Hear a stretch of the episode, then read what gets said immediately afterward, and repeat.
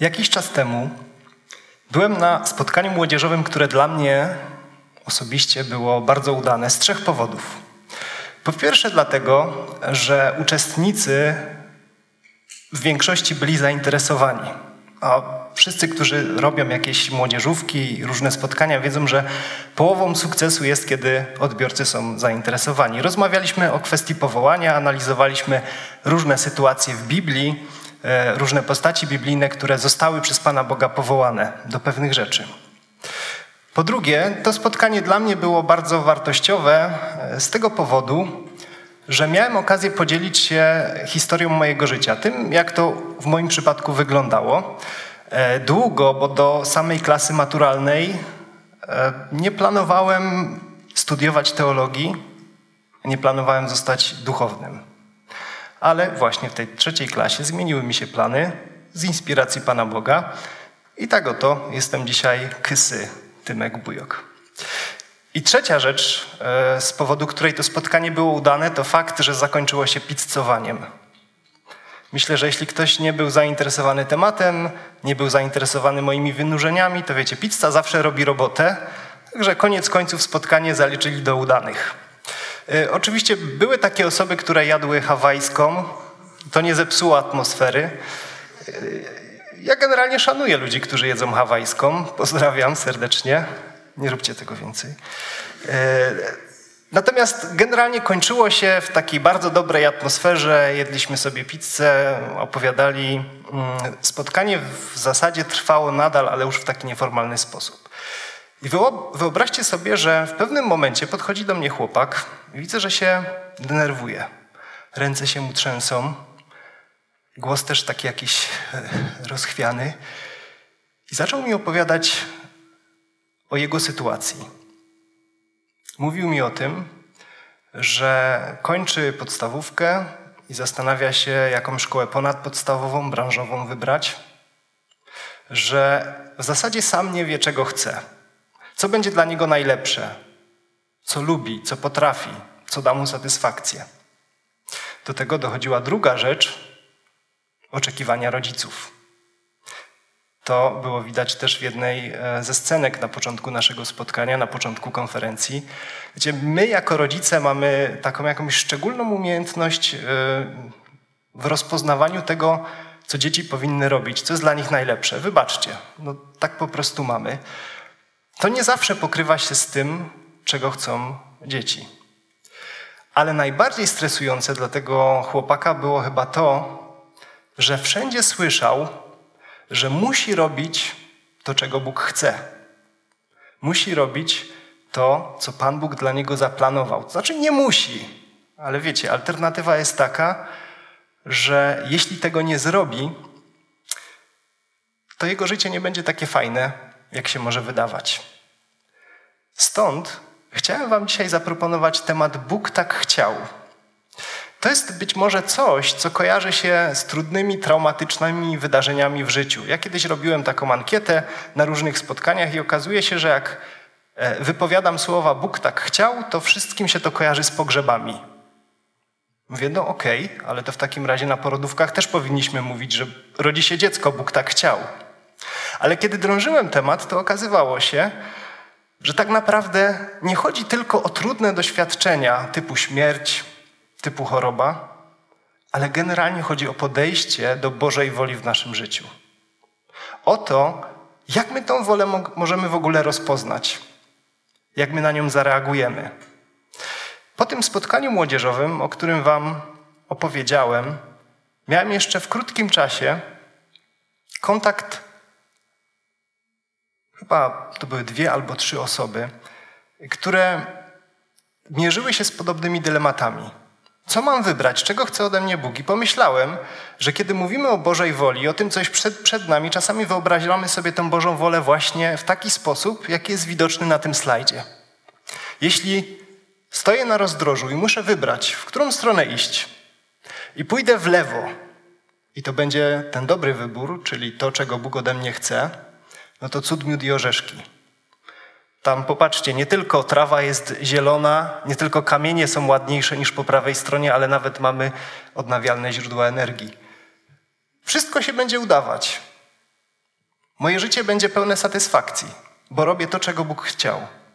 Ale jeśli wybiorę coś zupełnie innego, to wejdę w świat, który jest nieurodzajny, bida z nędzą. Wszędzie sucho, kłody pod nogami, a ja niezadowolony. I tak sobie pomyślałem, fajnie by było zrobić wykład pod tytułem Pięć prostych kroków, jak rozpoznać Bożą wolę i zawsze i wszędzie e, według niej żyć. I może to by się sprawdziło na YouTubie, taki trochę clickbaitowy tytuł, dlatego że nie wiem, czy jest pięć prostych kroków, żeby to zrobić. Ale możemy zrobić troszkę yy, inaczej. Możemy uchwycić się tego hasła Bóg tak chciał w czasie przeszłym i zobaczyć, jak biblijni bohaterowie reagowali na to, czego Bóg od nich chciał. I potraktować to jako pewne modele tego, co może się wydarzyć w naszym życiu. Nie wiem, ilu z Was mierzy się z takim dylematem. Co zrobić, w którą stronę iść, jakie decyzje podjąć, jakie szkoły wybrać, zawód i tak dalej.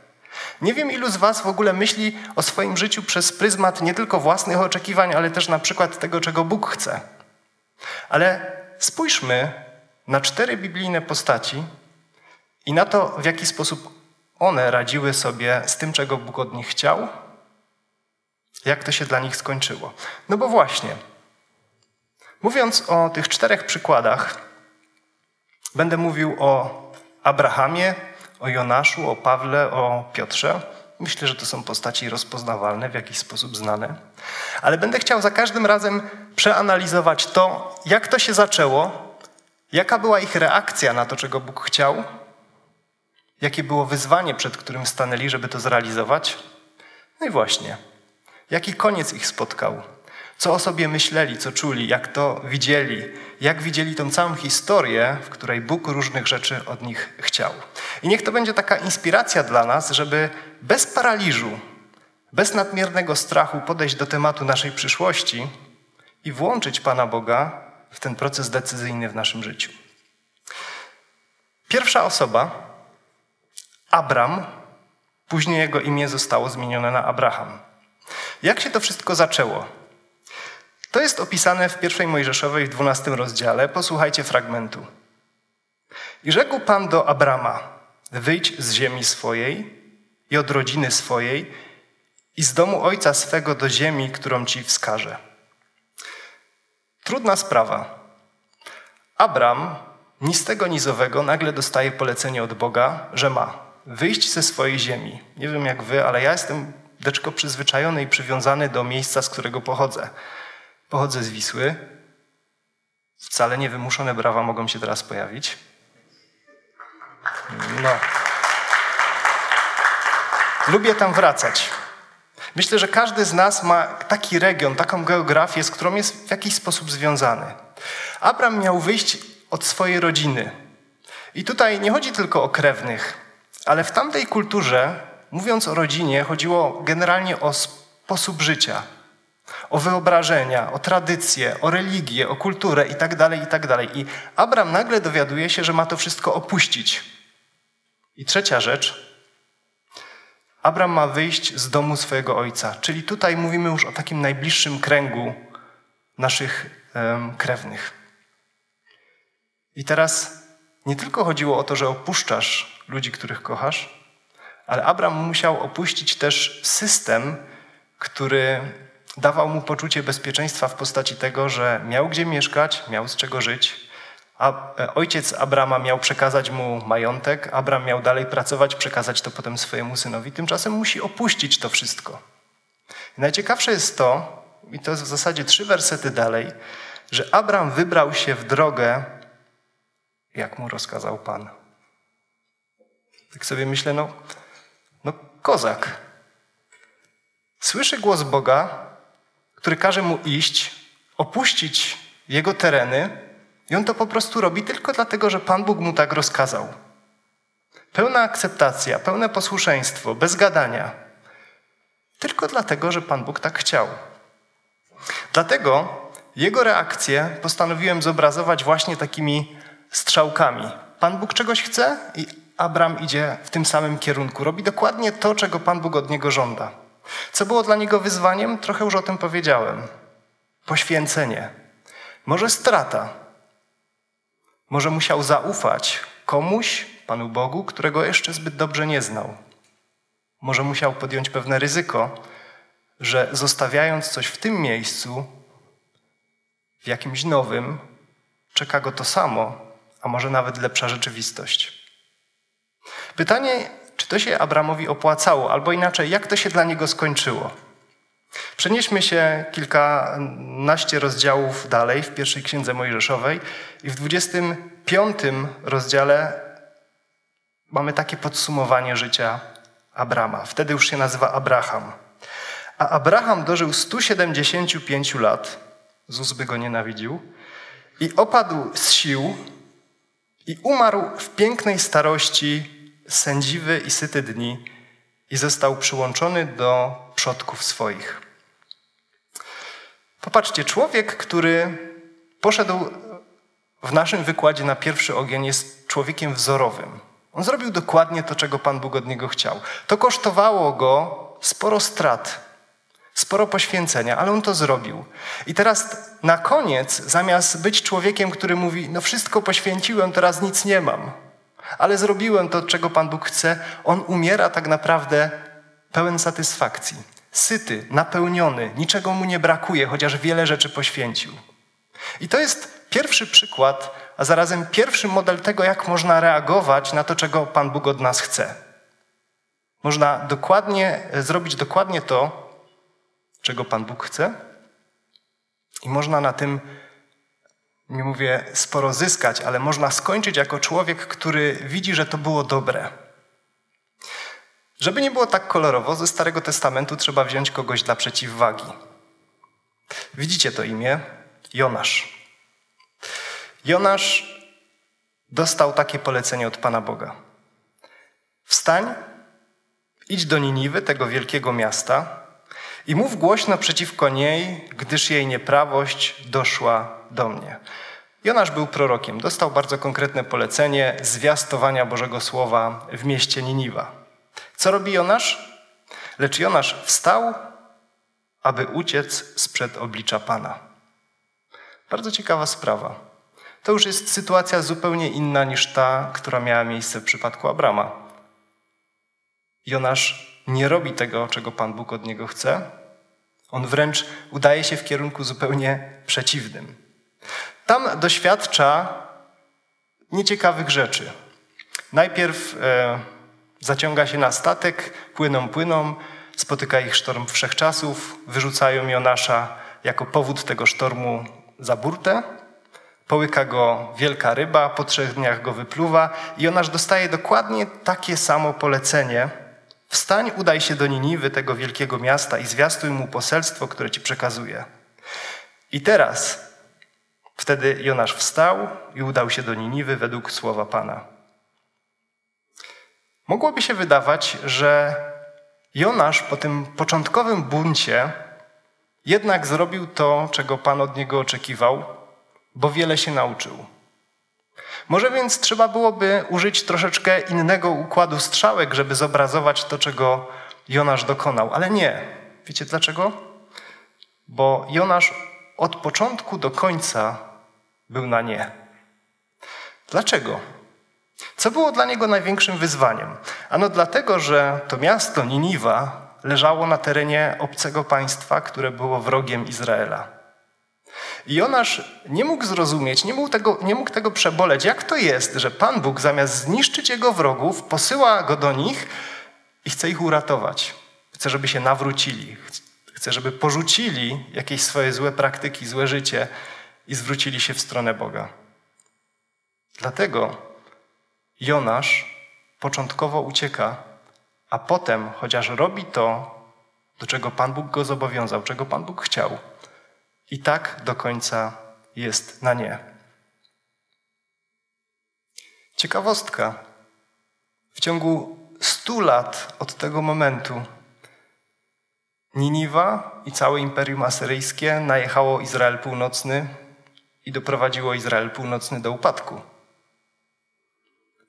Jonasz, wydaje się, miał rację. Ale to nie jest problem, on tego nie dożył. Problemem jest coś, co było w samym Jonaszu. Jak ta historia się dla niego skończyła? Posłuchajcie. Jonaszowi bardzo się to nie podobało. To, że ludzie w Niniwie, kiedy on im zwiastował, się nawrócili. Nie podobało mu się tak, że się rozgniewał i modlił się do Pana, mówiąc: Ach, Panie, czy nie to miałem na myśli, gdy jeszcze byłem w mojej ojczyźnie? Dlatego pierwszym razem uciekłem do Tarszyszu. Wiedziałem bowiem, że Ty jesteś Bogiem łaskawym i miłosiernym, cierpliwym i pełnym łaski, który żałuje nieszczęścia. Nie wiem, czy znacie taką postać literacką jak Mikołajek. Ktoś zna? Mhm. No, widzę kilka rąk w górze. Uwielbiam e, Mikołajka. On jak się śmiertelnie na kogoś obrazi, to ma bardzo fajny tekst, taki, że e, ucieknie z domu i się zabije i wszyscy będą żałować, o jaka szkoda, że nie poszliśmy na rękę Mikołajkowi, że nie zrobiliśmy tego, czego chciał, bo teraz Mikołajek byłby z nami, a go nie ma i jest nam smutno. To jest postawa, którą wykazuje się w tym momencie Jonasz. Ja wiedziałem, że tak będzie, a mówiłem, a nie chciałem iść. Ale Ty, Panie Boże, swoje, a ja i tak będę teraz siedział i będzie po mojemu. I będę obrażony. I to jest chyba największa bolączka Jonasza w tym momencie. On, mimo że dokonał spektakularnego dzieła, odniósł spektakularny sukces, siedzi obrażony, bo Pan Bóg doprowadził do tego, że stało się to, czego Jonasz nie chciał za wszelką cenę osiągnąć. To jest drugi model.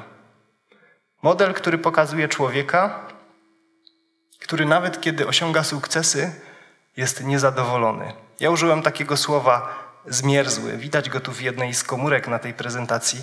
To jest takie może regionalne wyrażenie, ale ono właśnie mówi o takim człowieku, który jest niezadowolony, jest sfrustrowany, jest rozgoryczony, bo nie jest tak, jak sobie tego wyobrażał, bo Pan Bóg zrobił coś, czego on w swojej głowie nie mieścił.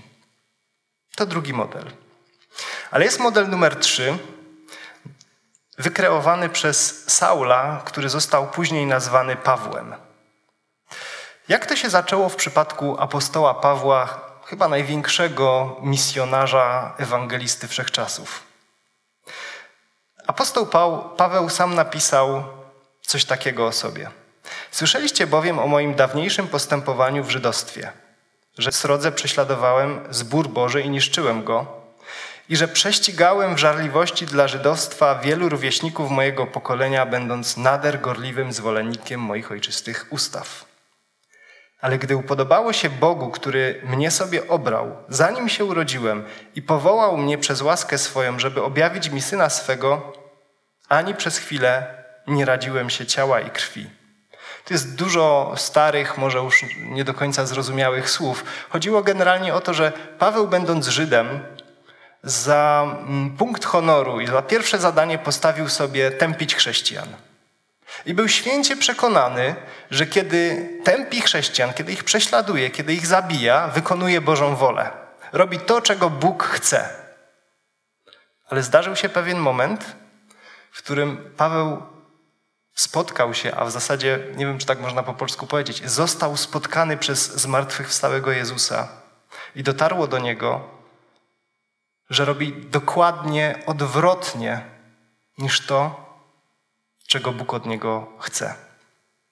Dlatego przedstawiłem jego reakcję w formie takiej strzałki, która zawraca. Paweł wkładał całą swoją życiową siłę i energię, żeby robić coś, co jemu wydawało się Bożą wolą, ale co nie było nią zupełnie. I dopiero po spotkaniu z Jezusem ta jego życiowa energia zostaje przekierowana we właściwym kierunku. W zasadzie używając terminologii matematycznej, trzeba było powiedzieć, że kierunek był ten sam, ale zwrot przeciwny. Zaczął robić coś zupełnie przeciwnego.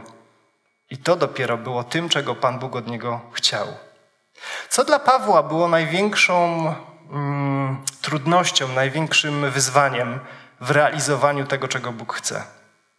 Ano to, że Paweł musiał w jakiś sposób przetrawić taki potężny cios, który dostał, musiał to przyjąć na klatę.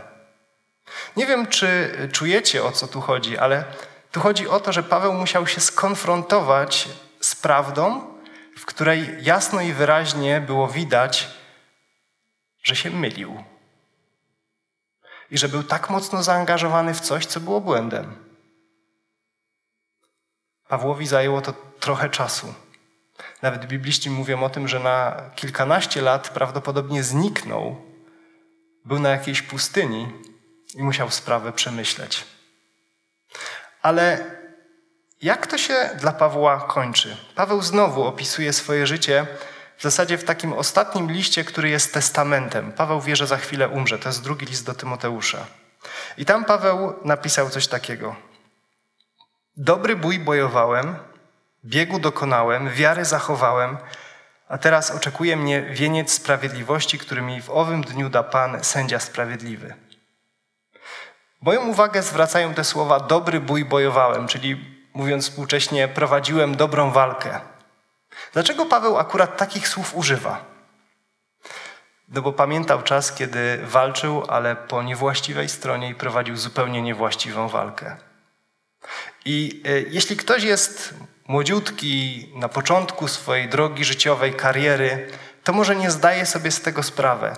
Ale jeśli porozmawiacie z dziadkami, z osobami, które są już może na emeryturze, to e, czasami da się wyczuć taki, takie rozczarowanie albo taki zawód wynikający z tego, że no poświęciłem życie, robiłem coś, co nie do końca teraz widzę jako dobre. A największym ciosem dla ludzi starszych, którzy kończą swoje życie tu na ziemi, jest doświadczyć takiego przekonania, że nic, co tutaj robili, się im nie udało. Kiedy wnuki ich nie odwiedzają, z dziećmi są skłóceni, zakład, w którym pracowali 40 lat, nagle się e, okazuje czymś, co jest niewydolne finansowo i bankrutuje. Rzeczy, w które się angażowały, angażowali, zupełnie nikomu nie są już potrzebne. To jest, to jest ogromny cios. I myślę, że Paweł, kończąc życie, cieszył się, że Pan Bóg go spotkał że przekierował jego życiową energię i że on teraz może podsumować swoje życie mówiąc, a jednak robiłem właściwe sprawy, jednak robiłem właściwe rzeczy. To jest model numer trzy. I został nam jeszcze jeden model, model numer cztery.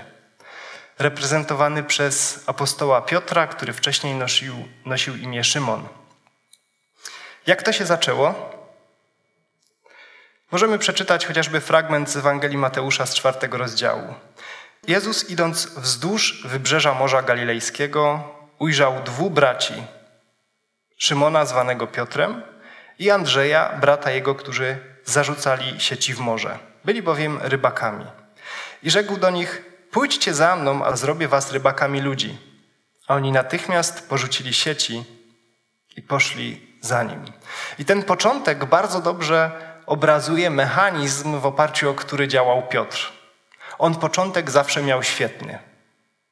Robił to, czego Pan Bóg od niego chciał, ale potem brał sprawy w swoje ręce i się okazało, że jeśli bazuje na swoich siłach, to nie wychodzi mu to za dobrze. To widać w wielu innych sytuacjach. Ten początkowy hura optymizm, a potem klęskę i jakąś głupotę. To widać w sytuacji, kiedy on chodzi po wodzie, zaczyna fajnie, ale potem się topi. To widać w sytuacji, kiedy wyznaje, że Jezus jest Chrystusem, ale potem zaczyna Jezusa upominać. Nie, nie, nie, ty nie możesz cierpieć, ty nie możesz zginąć.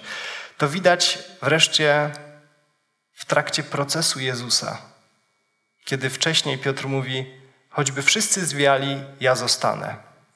I co? Przychodzi co do czego? Wieje jako pierwszy. Jeszcze trzy razy mówi, że człowieka nie zna. Piotr świetnie zaczynał, wznosił się na jakieś wyżyny, ale potem spadał. Stąd jego reakcję przedstawiłem za pomocą takiej, załóżmy sinusoidy, takiej pofalowanej strzałki. Pan Bóg prowadził go przez te góry i doliny w różny sposób. Co było w takim razie dla Piotra największym wyzwaniem? Myślę, że to, że Piotr przeżył proces, który tak naprawdę go upokorzył. I to nie chodzi o jakieś pognębienie, zniszczenie, ale po prostu o proces stawania się pokornym i polegania nie na sobie, ale na Bogu. Myślę, że w jakiś sposób, prędzej czy później każdy z nas doświadczy tego, że o swoich własnych siłach niewiele idzie zrobić w życiu. Że zawsze polegamy jeszcze na kimś, kto jest wokół, na rodzinie, na bliskich, na znajomych, na pracownikach, współpracownikach. Piotr musiał przejść taką szkołę pokory i uniżenia. I znowu podsumowując swoje życie, w pierwszym swoim liście napisał coś takiego: Ukuszcie się więc pod mocną rękę Bożą, aby was wywyższył czasu swego. Wszelką troskę swoją złóżcie na Niego, a gdyż On ma o was staranie. To jest model numer cztery, pokazujący, że może zacząć się dobrze, ale potem proces bywa bolesny. Znajdują się na nim, czy w ramach tego procesu można doświadczyć sukcesów, ale można doświadczyć też bardzo dotkliwych porażek. Tak jak mówię, to są cztery modele. Cztery przykłady.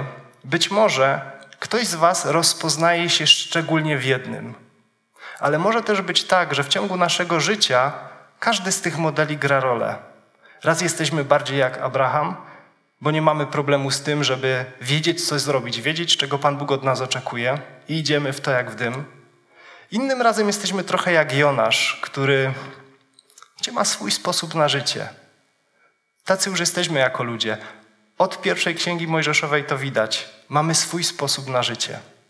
Może jesteśmy jak Paweł, który potrzebuje zwrotu, potrzebuje przeorientowania, potrzebuje nawrócenia. A możemy być jak Piotr, który w zasadzie zaczyna od bardzo dobrego punktu, ale potem przychodzi bardzo kosztowny i bardzo bolesny proces poznawania Pana Boga i rozpoznawania tego, czego Pan Bóg chce i stosowania się do tego. Chciałem e, zostawić Was z takimi rzeczami do wzięcia, z takim podsumowaniem. Jeśli jesteście w takim etapie, na takim etapie swojego życia, że wybieracie szkoły, wybieracie partnerów, o tym był e, poprzedni wykład, wybieracie jakieś swoje zainteresowania i chcecie zaprosić Pana Boga do tego, żeby Wam pomógł, żeby dał Wam jakieś wskazówki, to pomyślcie po pierwsze o tym, że nie musicie się bać tego, że niewystarczająco mocno wpatrujecie się w Bożą obecność albo niewystarczająco mocno nasłuchujecie Jego głosu. To jest bardzo paraliżujące, kiedy chcesz zaprosić Pana Boga do swojego życia, ale nie masz zupełnie pomysłu ani wiedzy na temat tego, jak od Pana Boga uzyskać odpowiedź na to, czego On od Ciebie chce. Na tych przykładach widać, że jeśli Bóg czegoś od kogoś chce, to to trudno przegapić. Wierzcie mi, jeśli Pan Bóg będzie czegoś od Was chciał, jeśli będzie chciał Wam wskazać bardzo konkretny wybór, konkretny kierunek, to to będzie trudne do przegapienia.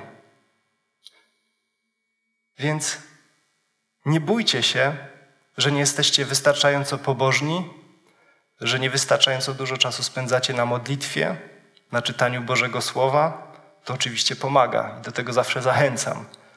Ale nie od ilości czasu spędzonego nad Biblią zależy to, czy dowiecie się, czego Pan Bóg od Was chce. Abraham ni z gruszki, ni z pietruszki dostał polecenie od Boga. Jonasz był prorokiem. To było normalne, że Bóg czegoś od niego będzie chciał. Paweł działał intensywnie, ale jak gdyby w złej branży i nagle dowiaduje się, jest zaskoczony, że Pan Bóg ma inny pomysł. Piotr przeszedł proces do określenia tego, czego Bóg od niego chce i co to tak naprawdę dla niego znaczy. Bywa różnie. Myślę, że jeśli nie jesteście od początku na nie, to nie przegapicie tego Bożego głosu. Po drugie, i chciałbym, żeby to było mocne, ale nie wiem, jak to w waszych uszach zabrzmi. Całkowite posłuszeństwo i podporządkowanie to nie jedyna dopuszczalna reakcja na to, czego Bóg chce.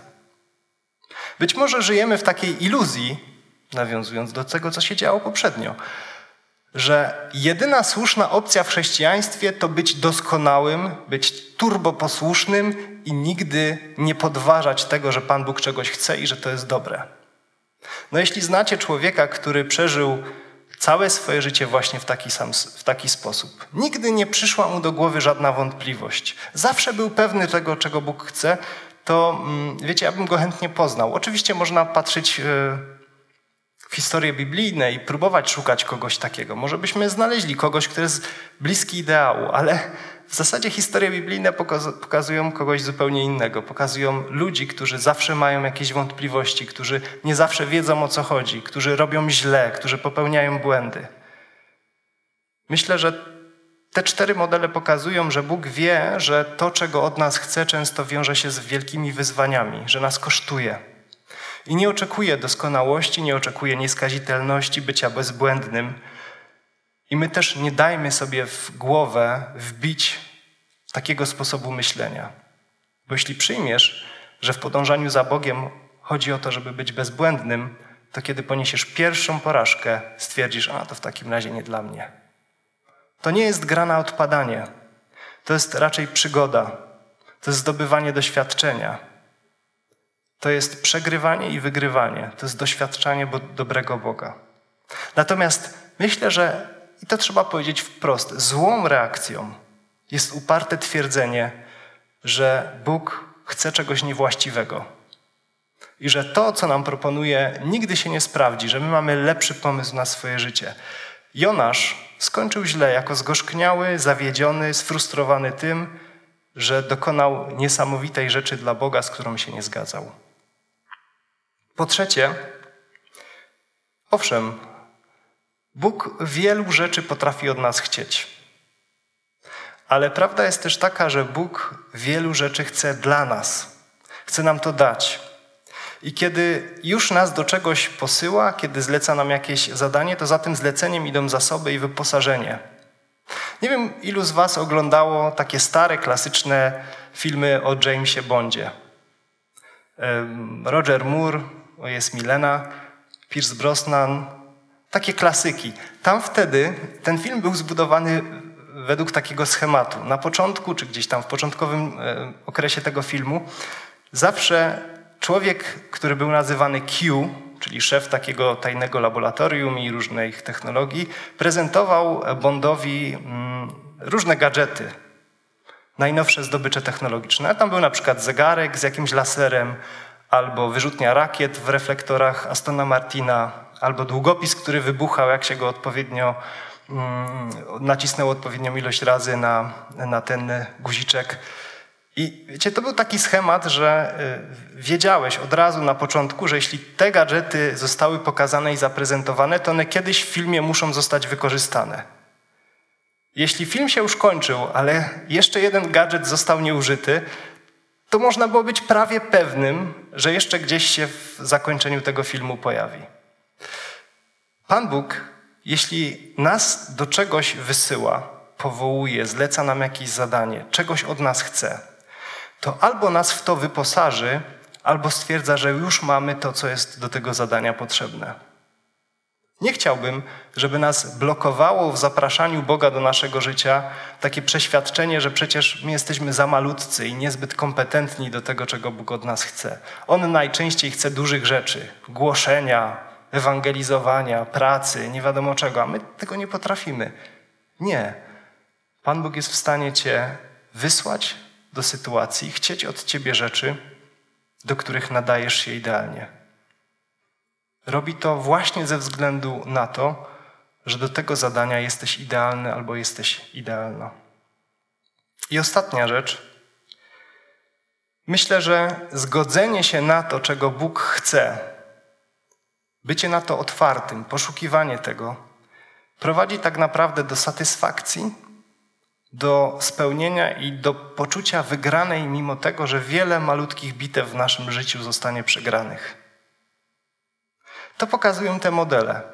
Ale to pokazują też e, inne sytuacje w Biblii, że kiedy ludzie decydowali się i mówili, Panie Boże, dobrze, to jest trudne, ja tego nie rozumiem, ja nie wiem, co to będzie dla mnie oznaczać. Ale kiedy ludzie decydowali się, że jednak pójdą za tym, czego Bóg od nich chce, to kończyli jako ludzie, którzy mówili, jest dobrze. Jest tak, że mi się podoba. Jestem człowiekiem sytym, spełnionym, wygranym, pewnym Boga i pewnym tego, że nie zmarnowałem życia. I życzę Wam, żebyście kiedyś mogli opisać własne życie i, i, i wybory takimi słowami: To jest to, czego Bóg ode mnie chciał. I to nie był dramat, to nie była trauma, ale to było coś niesamowitego. Miejcie się dobrze. Dzięki.